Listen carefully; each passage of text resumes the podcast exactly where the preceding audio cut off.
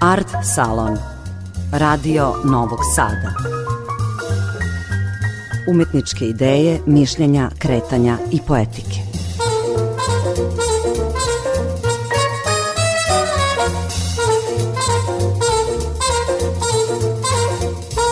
Dobro večer. Ja sam Tatjana Novčić-Matijević, počinje Art Salon, emisija za kulturu Radio Novog Sada. U godini Evropske prestonice kulture u Novom Sadu književnost je imala mnoge pluralne i mnogovrsne sadržaje. Kustos tih programa bio je Vladimir Gvozden, profesor Filozofskog fakulteta u Novom Sadu, teoretičar književnosti, eseista i kritičar.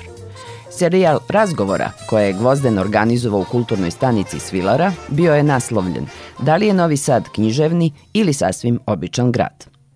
Moram da priznam da je meni bio čudnovat naslov tih tribina, da li je Novi Sad književni ili sasvim običan grad. I pošto su uglavnom gosti bili oni koji ispisuju da li ovaj grad ili u ovom gradu i promišljaju ga kritičarski, kakvo je sad iskustvo nakon tog serijala? Pa da, to pitanje Novi Sad književni ili sasvim običan grad ima više dimenzija i ravnije kojima se može govoriti.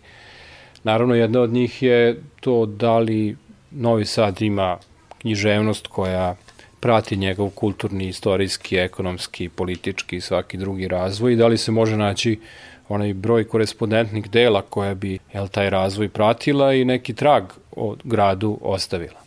Drugi nivo pitanja, naravno, odnosi se na to pitanje kako uopšte funkcioniše institucija književnosti u samom Novom Sadu kroz istoriju. Ona je, ta istorija, te institucije naravno promenljiva, ona ima uspone i padove, čak se može postaviti pitanje da li ona uopšte i postoji, ta institucija književnosti onako kako postoji na nekim drugim mestima. I konačno treće pitanje, treći sloj tog pitanja jeste taj nekakav utisak da li Novi Sad ima nekako simboličko, kulturološko bogatstvo koje ga čini gradom poput velikih gradova ili on još uvijek neki grad koji negde traži sebe i koji zapravo nije baš pravi grad skroz do kraja, već jedan od onih brojnih i mnogobrojnih perifernih gradova evropskih.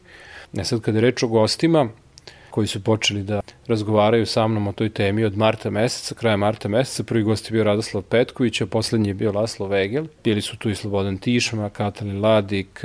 Gledao sam da ne budu to samo pisci koji ispisuju Novi Sad ili zapravo to su pisci koji su pisci koji pišu o Novom Sadu, koji su iz Novog Sada, pisci koji nisu iz Novog Sada, ali Novi Sad je za njih važan, ili pisci koji rade, na primjer, u Novom Sadu kao Slobodan Vladušić, koji mi je bio gost, a koji o Novom Sadu kao takvom nije pisao, a u razgovoru je rekao vrlo zanimljive stvari o svom doživlju grada. Dakle, ti razgovori negde, s jedne strane, zaista pokušavaju da, da otkriju te lične doživlje grada kod pisaca. Jer moja ideja je bila da pisci imaju čulnost koja je bogatija ili razgranatija od većine drugih i da njihova percepcija kao takva posmatra stvari na neki način koji je zanimljiv, drugačiji, koji je produbljeniji možda čak u nekim slučajevima i da oni mogu nešto da nam kažu o tom svom ličnom doživljaju grada. I to jeste vrlo bitno i mislim da je to vrlo važan i resurs sada već svi ti razgovori a, zato što pokazuju dobro kako su pisci recimo prvi put doživeli grad, kako se taj grad transformisao po njihovom gledištu, u njihovoj svesti, ali takođe smo otvarali te teme njihovog odnosa prema književnom Novom Sadu, koje su to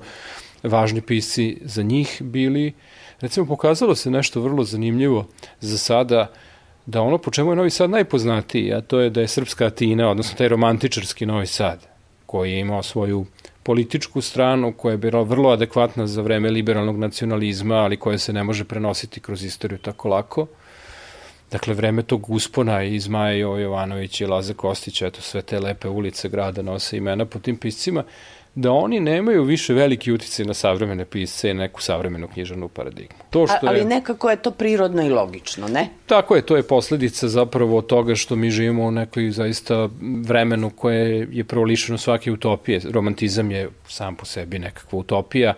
U današnjem svetu, naravno, ti narativi jesu iscrpljeni i pisci ne mogu da pođu od takvih tačaka ukoliko pokušavaju zaista nešto da kažu, tako da to jeste očekivano i mislim čak i neki prigodni pristup e, nije se, nije se javljao u razgovorima da je neko bar pokušao da prigodno kaže eto važni su. Ali s druge strane pokazalo se da postoji određena korespondencija u vrednovanju naravno jednog Aleksandra Tišme koji zaista jeste pravi novosadski pisac koji je Novi Sad postavio na evropsku kulturnu mapu, pogotovo unutar nemačkog govornog područja i mislim da oko toga nema velike dileme. Isto tako veći broj autora isto govorilo i o Slobodanu Tišmi koji je bio i gost, uh, Laslo Vegel, dakle to su, pa on tu je naravno Franja Petrinović. Dakle, neka imena su se tu naravno ponavljala, Bilo je različitih stavova oko toga da li je Novi Sad književni grad. Od onog, e, apsolutno... Šta, šta pod tim e, se konkretno podrazumevalo kada je reč o sagovornicima? Pa dakle, to su ove tri dimenzije koje, mm -hmm. sam, koje sam pominjao. Dakle, da ima adekvatnu književnu istoriju, Ali Dobro, to smo se složili da ima. Pa ima i to je pitanje nema. da li ima, da, zato što u principu Novi Sad je imao taj nevjerojatan uzlet u 19. veku dok je bio Srpska Atina i tu su bili veliki časopisi i letopis Mati Srpske koji izlazi još uvek naravno. E, bilo je perioda kada je svega bilo više nego sada, a grad nikad nije bio veći. Grad sada ne znamo koliko ima stanovnika, evo popis će vjerojatno to pokazati, da li ima 400, 500, 600 hiljada, ko sve gravitira ka njemu, to je ogroman broj, pogotovo danas kada su komunikacije naravno mnogo više uznapredovale nego pre 50 ili 100 godina, ali da li kulturni život prati taj broj stanovnika, da li prati, kako da kažem, da li prati izgradnja grada jedna kulturna izgradnja, to je jedno pitanje koje zaista uh, nije lako odgovoriti i rekao bih da je veći broj pisaca imalo blage rezerve naspram toga da je Novi Sad do kraja književni grad. Naravno, neki su poput Save Damjanova koji je predavao romantizam i koji se nedvosmisleno odgovori da je Novi Sad književni grad i to jeste zaista tako kada se posmatra istorijski i ti tragovi tog Novog Sada su danas evidentni. U institucijama koje mi čuvamo, Ali ako malo bolje pogledate šta je novo stvoreno od tih institucija u proteklih 50 ili 100 godina, mnoge koje su postojale su nestale, kako se to književno polje sada a, danas tretira, da li pisci u Novom Sadu imaju dovoljno uslova za svoj rad, da li uopšte imaju uslova, kakav je naš odnos prema pisanju, prema izdavačkim kućama, da li postoje mediji u Novom Sadu koji mogu da isprate nekakav kulturni život. Dakle, to su sve prilično ozbiljna pitanja koje smo doticali. Naravno, to je bilo i pisaca koji nisu iz Novog Sada, poput Marija Ligore, koji je došao u Novi Sad iz Italije. On je imao jednu lični, jedan lični doživlje Novog Sada, zaista koji je vrlo zanimljiv. Katarin Ladik takođe koja već dugo živi u Budimpešti, koji je iz Novog Sada. Ali šta hoću da kažem, stvorili smo jedan mozaik koji još uvek ne može baš do kraja da se sagleda, ali mislim da smo stvorili jedan mozaik pogleda na Novi Sad koji bi sam po sebi trebao da bude vrednost.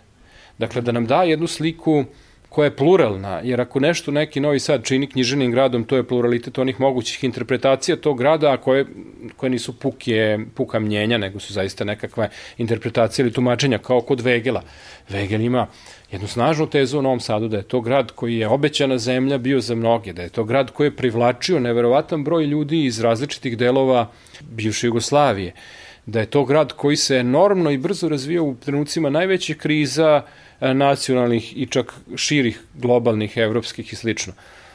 Dakle, to je jedna moguća teza. S druge strane, naravno, bilo je oni koji su smatrali krajnje skeptično, poput Jovana Zivlaka, da Novi Sad zapravo kao književni grad vrlo orđevo funkcioniše, da institucije nisu dovoljno kompleksne da podrže taj i takav razvoj i da uopšte to mesto književnosti danas uh, E, je takvo da Upravo sam htela se, da pitam. Jel, na taj a da, način i ne može govoriti. Da li je priča o Novom Sadu kao književnom gradu, pod znakom pitanja, zapravo ogledalo priče o relevantnosti književnosti danas? Tako je, e, uvek se to pitanje relevantnosti književnosti pomalo formalizuje, pa se onda kaže, pa ne znam, ljudi ne čitaju ili ne čitaju dovoljno. Ovde nije reč o tome. Ne pričamo o čitanju, je, govorimo o pisanju. Je, nego govorimo o tome koliko uopšte nešto što je, jer šta je književnost? Mislim, književnost je pokušaj da se kroz jezik saopšti nekakvo iskustvo, nekakvi moralni sudovi, da se kroz kompoziciju, strukturu i stil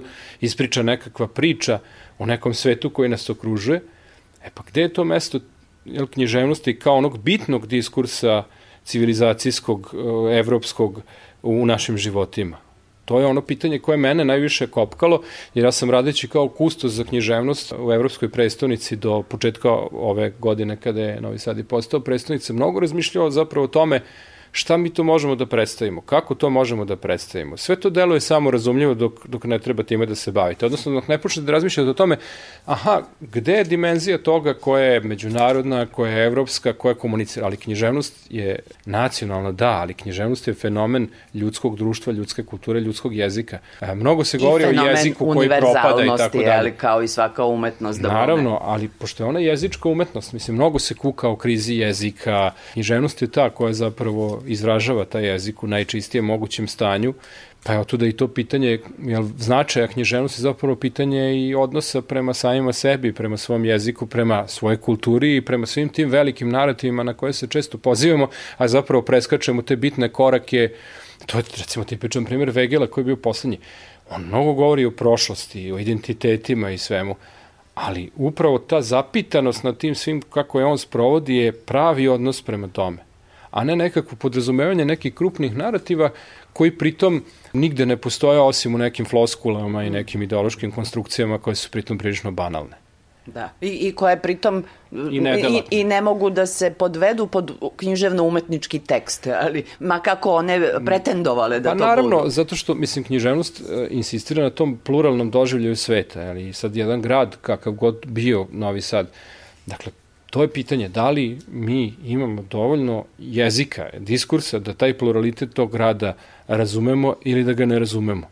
Da li imamo savremene pisce koji mogu da nam odgovore na to pitanje? Vladislava Gordić je govorila o spisateljicama, gde opet imate neke druge rakurse na tu priču. Tako da mislim da smo gradili, da smo gradili jedan mozaik koji uh, I, kažem, još uvek nije ni gotov, jer se ciklus nastavlja, ja se nadam da će onda se nastavi na proleće i da zaista zaokružimo sa, recimo, nekoliko desetina autora novosadskih tu priču, pa da onda možda i priredimo jednu knjigu tih razgovora gde bi zaista ostao trag u jednom fokusu, jer mi naravno imamo razgovore sa piscima, to nije sporno, oni se dešavaju ne previše često, ali ih ima, ali generalno gledano ovde nije bio akcent ni na tumačenju njihovog opusa, ni na predstavljanju njihovih knjiga, nego na odgovoru na nekoliko tih bitnih pitanja vezano za njihov doživlje književne prošlosti, književne sadašnjosti, istorijske prošlosti, sad političke, kulturne, ekonomske sadašnjosti i eventualno budućnosti, pa dakle neka pitanja vezana za bitne događaje koje bi oni iz, izdvojili iz prošlosti, takođe za bitne ono što zovu cityscape, jel, prostore grada koji su im važni za njih, za njihov doživljaj grada, tako da u toj homologiji pitanja i odgovora možda dobijemo i neku novu vrednost koju nismo kod svakog pojedinačno pronašli ili možda ih ima, možda te vrednosti ima kod svakog pojedinačno, ali možda sve zajedno stvaraju jednu novu Da, možda, možda se ispostavi da zapravo kada se slože sva ta mišljenja da negde se pojavi neki zajednički imenitelj. pa da, to bi bilo kao neka alh alhemijska operacija, kao ono kod alhemičara ili ili kao kod Frankensteina, da se spoje delovi pa se pusti struja pa onda dobijete jedno novo biće. Sad, da li Novi Sad takav Frankenstein ili ne, to ćemo vidjeti, ali znate i sami da je Frankenstein e, na kraju morao da bude uništen od strane svoga tvorca. Ali je postao simbol. Ali je postao simbol. E, pa to je ono što je u književnosti. Kako je Dublin postao simbol, jer posle Joyce-a današnji Dublin nema više mnogo veze sa tim Dublinom, ali Dublin je ostao za čitaoce onaj Dublin kakav je u romanu. E, tako da li neki od ovih pisaca stvaraju takve slike? Da, ali kažem ovde je bio akcenat i da ti pisci takođe izdvoje neke druge pisce i da stvaramo neku vrstu ideje da Novi Sad ima svoju književnost, da ima svoje vrednosti i da negde možda može na kraju da se odgovori pozitivno na to pitanje da li Novi Sad književni grad ili običan grad, eh, ali da bismo imali književni grad, bitno je i da priznamo one ljude koji doprinose tom gradu i toj kulturi, te pise, jer šta bi bio jedan Prag bez Kafke ili jedan Pariz bez Prusta ili ali to nisu samo razumevajuće stvari. Dakle, to su odluke raznih pojedinaca institucija da ti ljudi budu priznati. Jel? Vrednost se konstituiše u nekoj nauci, kritici, estetici, ali ovi drugi gestovi formalnog tipa se ipak dešavaju u institucijama i zato mislim da ovi razgovori jesu neki doprinos diskusiji o odnosu književnosti kao stvaralaštva, književnosti kao institucije, književnosti kao neke slike sveta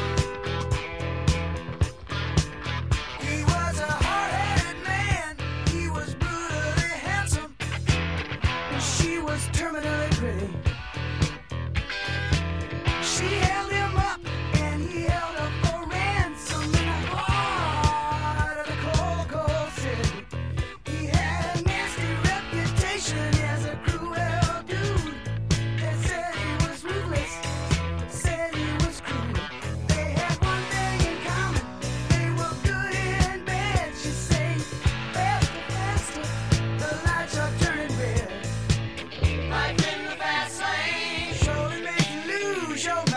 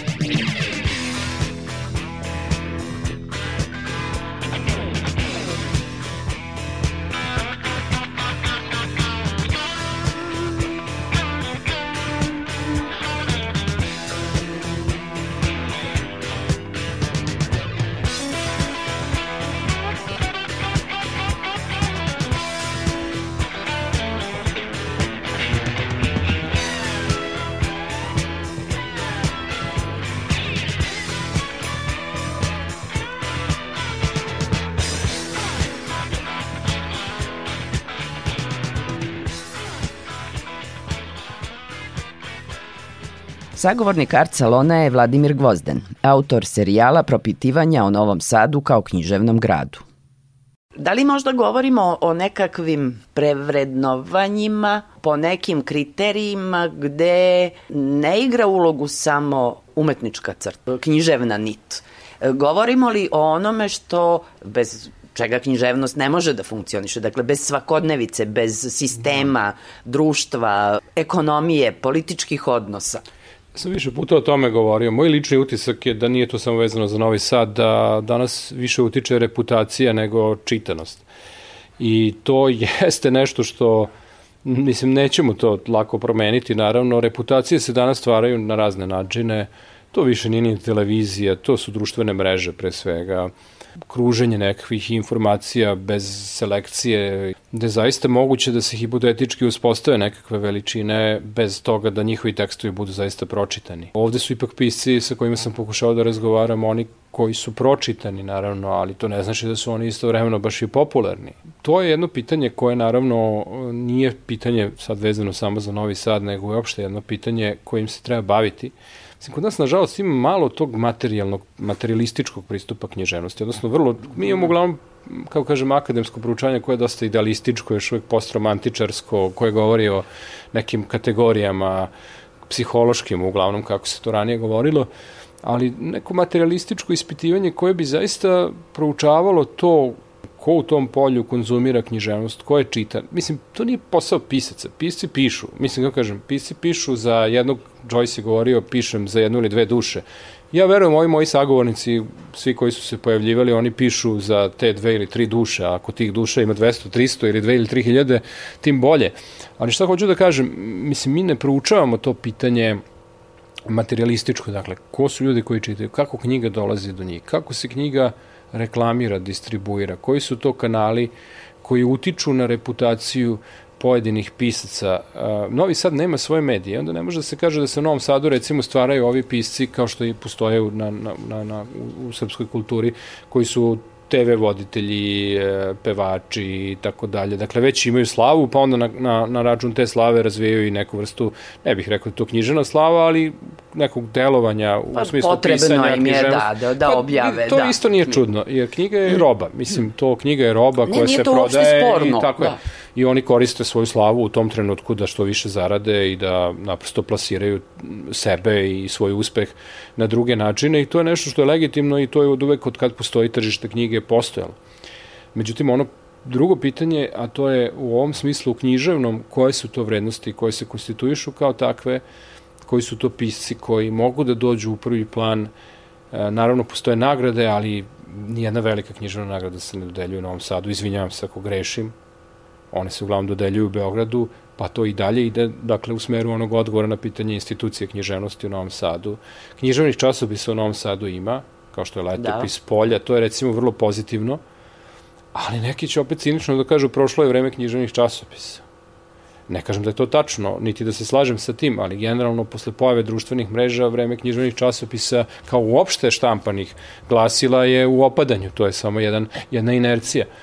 Dakle, od dalje od elementa književnih institucija koje Novi Sad ima, to je univerzitet i tu je recimo Slobodan Vladušić dao možda i naj, nekako meni najdraži odgovor na to pitanje šta je za njega Novi Sad i on je rekao da je za njega Novi Sad filozofski fakultet. To je možda nešto što mi nikada nismo čuli do sada, iako je mnogo ljudi prošlo kroz taj fakultet, da neko tako iskreno i bezrezervno to kaže, a on je upravo to rekao jer je on došao da studira u Novi Sad i provao je značajne godine svog života, vrlo teške godine 90-ih na fakultetu, čitajući, razvijajući se i naprosto osjeća Novi Sad kao kao univerzitetski grad, da jedan filozofski fakultet ima svoje mesto i svoj smisao koji takođe možda nije toliko evidentan često u javnosti kao što bi trebalo da bude. Tako da recimo to je vrlo zanimljiv doprinos.